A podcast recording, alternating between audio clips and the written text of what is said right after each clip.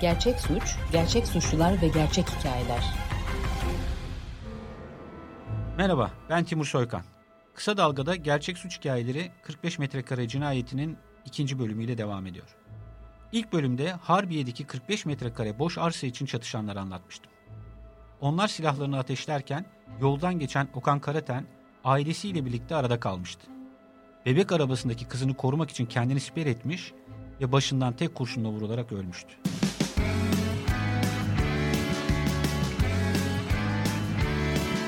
Kulağınız bizde olsun. Kısa Dalga Podcast. 11 Haziran 2021'deki bu çatışmanın ardından olay yerine gelen polis ekipleri sarı plakalarla sokaktaki onlarca boş mermi kovanını kurşun isabet eden yerleri işaretledi. Çatışmadan sonra ilk olarak ateş açılan Apay isimli emlakçının sahibi Ahmet Aydemir, oğlu Gültekin Efe Aydemir ve iki çalışanı gözaltına alındı. Ahmet Aydemir ifadesinde çatışmadan hemen öncesini şöyle anlattı. İlmettin Aytekin ve Deniz Sarıyan ofisten gittikten iki saat sonra mahalledekiler Nupeldo Oteli'nin önünde kalabalık bir grubun toplandığını söyledi. Bunun üzerine ofisi kapatıp gitmeye karar verdim. Oğlum ve çalışanlarımla dışarı çıktığımız sırada ateş açıldı. Polis çok hızlı bir şekilde kırmızı panelvanın yerini öğrenmişti. Olay yerine birkaç kilometre uzakta Kurtuluş'taki bir otoparktaydı. Aç kapıyı aç polis. Yat yat yere yere. Buraya baskın yapan polisler otoparkın asma katındaki ofiste kırmızı panelvanı kullanan Cem İşişler ve bu araçtan inerek ateş açan Osman Turan ve motosikleti kullanan İslam Aytekin'i yakaladı. Polis 3 şüpheliye silahların nerede olduğunu sordu. Otoparkta Berkay Gencer isimli arkadaşlarına silahları siyah bir poşet içinde verdiklerini söylediler. Polisler Berkay Gencer'i 3 sokak ötede Feylozov sokakta buldu. Silahları sakladığı çöp konteynerinin altını gösterdi ve gözaltına alındı. Poşette demir dipçikli bir uzi ve iki tabanca vardı. Yakalanan şüpheliler Gayrettepe'deki asayiş şubede avukatları yanlarındayken verdikleri ifadede olayı ağız birliği etmişçesine anlattı. Kurtuluş'ta çay bahçesinde otururken Lupel'de oteldeki bir çalışanın Osman Turan'ı telefonla aradığını söylediler. Arayan kişinin otelin çevresinde silahlı kişilerin gezdiğini anlattığını ve bunun üzerine kırmızı panelvan ve motosikletle otele gittiklerini savundular. Otel çevresinde kimseyi göremeyince bir alt sokağa indiklerini anlatan zanlılar burada Apay isimli emlakçının önünde silahlı kişileri görünce ateş açtıklarını iddia ettiler. Yani rastlantı sonucu çay bahçesinde bir aradaydılar. Tesadüfen biri Uzi, üç silah üzerlerindeydi. Kırmızı panelvanın ön plakası bir kaza sonucu düşmüştü, arka plaka poşetle kapanmıştı. Yolun kesildiği, yüzlerini gizledikleri saldırının organize olmadığını söylüyorlardı. Elbette iç inandırıcı değildi bunlar. Anlık bir çatışma olduğunu öne sürerek ceza miktarını düşürmeyi, tahrik indirimi almayı planlamışlardı. Ayrıca örgüt suçlamasından kurtulmayı ve azmettiricileri gizlemeyi de sağlayacak ifadelerdi bunlar. Uzi silahla sokakta ateş açan kişinin hakkında ise hiçbir bilgi vermemişlerdi. Kendilerini azmettiren olmadığını söylediler. Bazı zanlılar otelin gayri resmi ortağı Deniz Sarıyan'ın saldırı öncesinde Kurtuluş'taki çay bahçesinde ve olay yerinde olduğunu da gizlemişti. İlmettin Aytekin ve Deniz Sarıyan yakalanmadı. Polis onları arıyordu. Bu sırada otelin bir çalışanı saldırıda Uzi silahı kullanan kirli sakallı kişinin Yunus Aksak olduğunu söyledi. Onun hakkında da yakalama kararı çıkarıldı. Adli Tıp Kurumu'nun incelemesinde Okan Karate'nin Uzi silahtan çıkan kurşunla öldüğü kesinleşti. Saldırıdan 2 ay 10 gün sonra aranan kişilerden otelin gayri resmi ortağı 35 yaşındaki Deniz Serhan teslim oldu ve kasten öldürme suçundan tutuklandı. O da olayın anlık bir çatışma olduğunu savunuyordu. Kurtuluş'taki çay bahçesinde otururken otelin etrafında silahlı kişilerin gezdiğine dair haber aldıklarını iddia eden Deniz Sarıyan şöyle devam etti. Hep birlikte buradan panelvan araç ve motosikletle ayrıldık. Otelin önünde kimseyi görmedik. Çevresinde birkaç tur attık. Alt sokakta gündüz görüşme yaptığımız bize silah doğrultan şahısları gördük. Bir tanesinin elinde silah vardı. Otele saldıracaklarını anladık. Hemen ben ve Osman araçtan indik, silah sesleri gelmeye başladı. Ben de havaya ateş açtım. Polis kimseden talimat aldınız mı diye sordu ve Deniz Sarıyan şöyle yanıtladı. Olay anlattığım şekilde bir anda meydana geldi. Herhangi birinden talimat almadım. Oku, dinle, izle. Kısa Dalga. Deniz Sarıyan'dan 10 gün sonra 1 Eylül 2021 günü Okan Karaten'i Uzi silahla öldürdüğü tespit edilen Yunus Aksak emniyete giderek teslim oldu. Diğer iki zanlı gibi Nupel'de otelde vali olarak çalıştığını savundu. Otoparkı olmayan otelin vale kadrosu çetenin istihdam merkezi gibiydi. Olay öncesinde kullandığı cep telefon numarasını hatırlamıyorum diyerek söylemedi Yunus Aksak. Silahı nereden aldın sorusuna şöyle yanıt verdi. Ben bu silahı olaydan 15 gün önce Ali Beyköy'de tanımadığım Suriyeli bir şahıstan 1500 TL'ye karşılığı satın aldım. Silahlara merakım olduğundan bunu aldım. Bu noktada silahlar konusunda sanıkların ağız birliği dikkat çekiyor. Deniz Sarıhan aynı soruya ben bu tabancayı olaydan 4 ay önce Aksaray'da ismini bilmediğim Suriyeli bir şahıstan 1500 TL'ye satın aldım demişti. Onunla birlikte emlakçıya ateş açan Osman Turan ise şöyle konuşmuştu. Kullandığım silahı yaklaşık 2 yıl önce Fatih Aksaray'da tanımadığım bir kişiden 2000 TL'ye almıştım. Yunus Aksak da diğer şüphelilerle aynı ifadeyi veriyor, çatışmanın planlanmamış anlık bir olay olduğunu anlatıyordu. Uzi silah kullandığını ifadesine kabul etmişti ve silah sesleri gelince korku ve panikle seslerin geldiği tarafa doğru koştum. Havaya ve yere ateş ettim. Haberlerde ölen bir kişinin olduğunu gördüm. Olaydan sonra kimseyle görüşmedim dedi. Polis, olaydan sonra bu kadar zaman geçmesine rağmen niye şimdi teslim oldun diye sordu. Yunus Aksak evimde saklanıyordum, pişman olduğum için gelip teslim oldum diye yanıt verdi. Polis kimseden talimat aldın mı diye sordu, cevap hazırdı. Ben herhangi birinin emir ve talimatıyla yapmadım. Olay anlattığım gibi olmuştur. Böylece cinayet silahını kullanan kişi de suç örgütü olmadığı yönünde ifade vermiş oldu. Bütün süreç halen aranan otelin işletmecisi İlmettin Aytekin'in lehine işliyordu. Ama bitmemişti. Ateş açılan iş yerinin sahibi Ahmet Aydemir ve oğlu Gültekin Efe Aydemir İstanbul Cumhuriyet Savcılığına iki dilekçe verdi. Dilekçelerde hemen hemen aynı metin vardı ve şöyle deniliyordu. Kimliğini bilmediğimiz şahıslar tarafından iş yerimize silahlı saldırı düzenlenmiştir. Daha sonra Nupello Otel'in işletmecisinin İlmettin Aytekin olduğunu öğrendik. Bu şahsın bizim uğradığımız saldırıyla ilgisi olmadığı kanaatindeyiz. İlmettin Aytekin'den şikayetçi değiliz. Olayın aydınlatılmasına yönelik iş bu bilgilerin değerlendirilmesini saygılarımızla talep ederiz. Okan Karaten, babasız kalan Minika'da, sevdiğini kaybeden Elanur Karaten kimin umurunda? Silahları ateşleyen taraflar böylece anlaşmaya varmıştı. Belki de 45 metrekarelik arsadaki paylaşılamayan rant Okan Karaten'in ölüsü üzerine inşa edilecekti. Bu sırada İlmettin Aytekin hakkındaki yakalama kararına savcı ifadesinin alınıp serbest bırakılması notunu düşmüştü. Deniz Sarıyan ve cinayet silahını ateşleyen Yunus Aksak teslim olduktan ve çatışmanın karşı tarafı şikayetçi değiliz diye dilekçeleri verdikten sonra İlmettin Aytekin ortaya çıktı. İstanbul Çağlayan'daki Adalet Sarayı'nın kapısından 13 Eylül 2021 günü sabah saat 8 sıralarında giren İlmettin Aytekin polislere GBT kontrolü yaptırmak istediğini söyledi. Oysa kasten öldürme suçundan 3 aydır arandığını biliyordu ve yanında avukatı da vardı. Aynı gün soruşturmayı yürüten savcı Onur Ekinci'nin odasında ifadesi alındı. Bir sayfalık ifadesinde İlmettin Aytekin şöyle konuştu. Emlakçıda tehdit edilince ben suç duyurusunda bulunmak için avukatımın ofisine gittim. Olay sırasında avukatımın yanındaydım. Kimseyi azmettirmedim. Ben de olayları otelin yanındaki marketçiden öğrendim. Üzerime atılı suçlamayı kabul etmiyorum.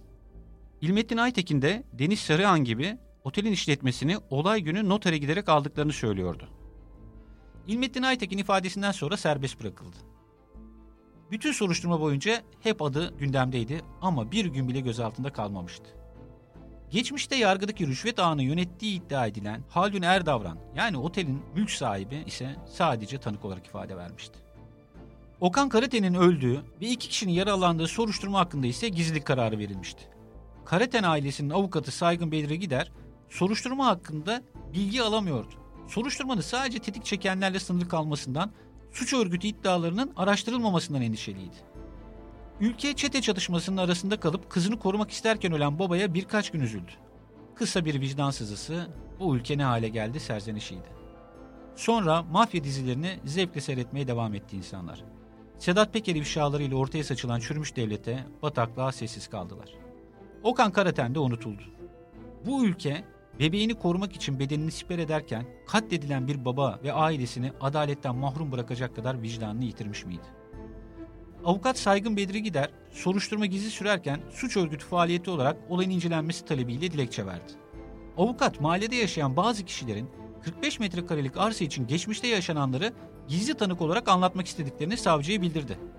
Ve bu kişiler korkuyordu, can güvenliklerinin olmadığını söylüyorlardı ve bunun için gizli tanık olmak istiyorlardı. Ancak savcı bu gizli tanık talebini kabul etmedi. Avukat Saygın Bedri Gider, cinayetten 5 ay sonra 15 Kasım 2021 günü iddianamenin tamamlandığını internetteki haberlerden öğrendi. İddianameyi okuduğunda büyük şaşkınlık yaşadı. Sadece saldırıya katılanlar suçlanıyordu. Çok organize olan saldırıya karşın suç örgütü suçlaması yapılmamıştı. Azmettiricilikten suçlanan kimse yoktu. Otelin işletmecisi olduğunu söyleyen İlmettin Aytekin ve oteli eşine devreden ama gerçek sahibi olduğu iddia edilen Haldun Erdavran sanıklar arasında yoktu. Avukat Saygın Bedri Gider, iddianamenin reddedilmesi için hemen bir dilekçe yazdı ve İstanbul 9. Ağır Ceza Mahkemesi'ne sundu. Avukat dilekçesinde Uzi, Baretta gibi silahların kullanıldığı saldırının çok planlı ve organize olduğuna dair çok sayıda delil olduğunu belirterek otele komşu olan arsayı baskı, tehdit ve silahlı eylemle ele geçirmek isteyen otel sahibi ve işletmecisi ile saldırganların ilişkisi ortaya konulmadı. Geçmiş bağlantıları incelenmedi. Azmettiriciler araştırılmadı, karanlıkta bırakıldı. Nupel'de otelin sahiplerinin hisse devir geçmişlerinin bile araştırılmadığı bir soruşturma ile karşı karşıya izliyordu. Ancak avukat dilekçesine yanıt alamadı. 25 Kasım 2021 tarihinde İstanbul 9. Ağır Ceza Mahkemesi iddianameyi kabul etti. Hukuki zorunluluk olmasına karşın avukatın dilekçesine yanıt bile verilmemişti. Üstelik 15 Kasım 2021'de verilen dilekçe 44 gün sonra yani iddianamenin kabul edilmesinden bir ay sonra UYAP'a yüklendi. Yani işleme konuldu. Bu sırada gizlilik kararı kalkan dosyayı inceleyen avukat Saygın Bedri Gider, savcı Onur Ekinci'nin sadece iki ay geriye dönük telefon görüşme kayıtlarını istediğini gördü. Oysa bir yıllık bir süreçteki telefon kayıtlarının incelenmesi gerekiyordu. Ancak böyle sanıklar arasındaki ilişki ortaya konulabilirdi. Ayrıca Uzi silahla Okan Karaten'i öldüren Yunus Aksak'ın olaydan önce kullandığı cep telefonu tespit edilmemiş, dava için çok kritik olan onun geçmişe yönelik telefon görüşme kayıtları ortaya çıkarılmamıştı. İlmettin Aytekin ve Deniz Sarıhan otelin işletmesini olay günü notere giderek aldıklarını söylemişti ifadelerinde. Ama soruşturma dosyasında ne sözleşme ne de bir makbuz vardı. Hangi noterde sözleşme imzalandığı bile belli değildi. Yeni Nalbant sokakta ateş açanlar otelin çalışanı olduklarını söylemişti. Hatta çoğu valeydi. Ama soruşturmada gerçekten otelin çalışanı olup olmadıkları Sosyal Güvenlik Kurumu'na sorulmamıştı.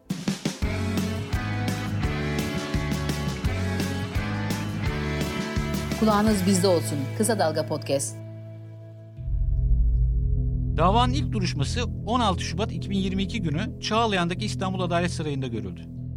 Çetelerin çatışmasının arasında kalıp küçük kızını korumak isterken ölen babanın dramı artık gündemden düşmüştü.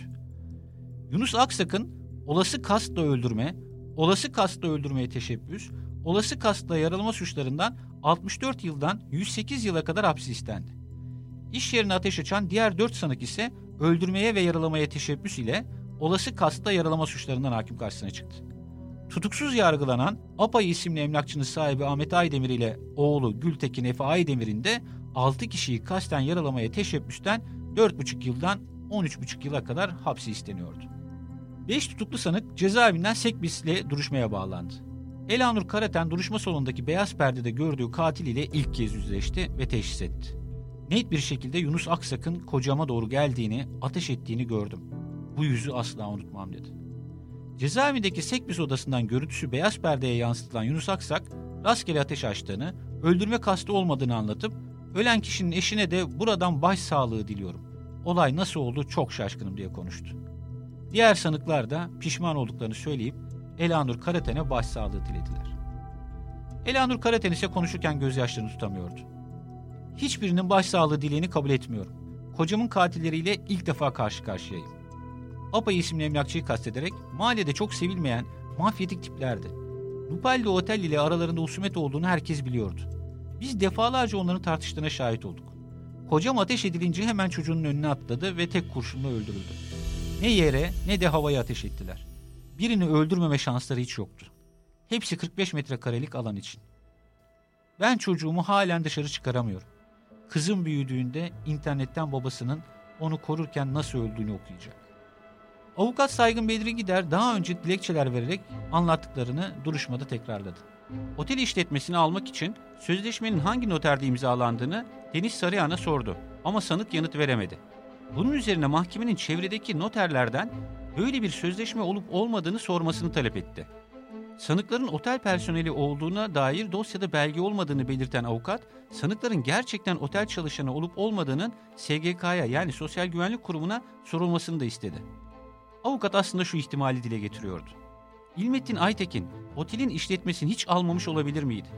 Sadece bu 45 metrekarelik arsayı baskı yoluyla ele geçirmek için Haldun Erdavran'ın talebiyle otel işletmecisi rolüne bürünen biri olabilir miydi? Belki de otelde vali olarak çalıştığını söyleyen sanıklar aslında bu suç örgütünün adamlarıydı ve otelin çalışanı değildi. Buluştuklarını söyledikleri çay bahçesi de aslında sanıkların yakalandığı otoparktan başka bir yer olmayabilirdi. Avukat suç örgütünün tespit edilmesi için soruşturmanın genişletilmesini talep ediyordu. Ancak mahkeme heyeti sonuca etkili olmayacağı, yargılamayı uzatacağı gerekçesiyle avukatın tüm taleplerini reddetti.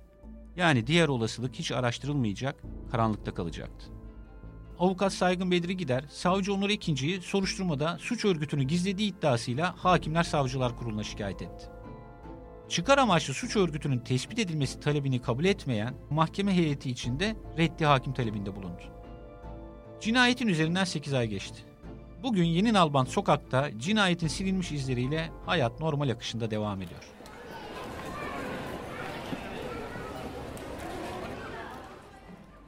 Apay isimli emlakçı aynı binanın üst katına taşınmış. Lupalde Otel'in odaları Arap turistlerle dolu. Giriş kapısının yanındaki 45 metrekarelik arsanın etrafında artık demir çit yok. Araçlar park ediyor. Belli ki Okan Karaten'in ölümünden sonra anlaşmaya varmışlar. Elanur Karaten ise küçük kızıyla zorluklarla mücadele ederek ayakta duruyor. Eşinin ölümünden sonra kuyumcudaki ortakları acılı kadına Okan'ın borcu vardı dedi ve para istediler. Elanur Karaten eşimin borcu yoktu. Aksine alacağı vardı ve bana işle ilgili her şeyi anlatıyordu dedi. Eşinin kuyumcudaki hissesini ortaklara cüzi bir miktara satmak zorunda kaldı. Ama davalık oldular. Elanur Karaten hisse satışından aldığı parayla adayı ameliyat ettirdi. Adının ameliyatı iyi geçti ve hızla iyileşti. Ama halen her gün babasını soruyor. Adayı babasız bırakanların yargılandığı davanın ikinci duruşması ise 30 Mart 2022 tarihinde İstanbul 9. Ağır Ceza Mahkemesi'nde görülecek.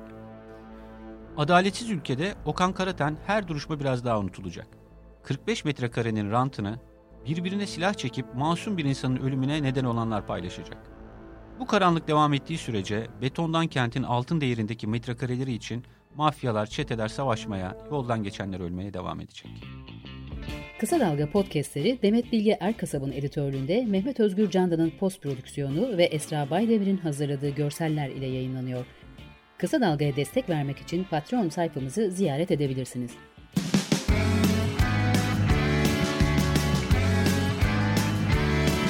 Kulağınız bizde olsun. Kısa Dalga Podcast.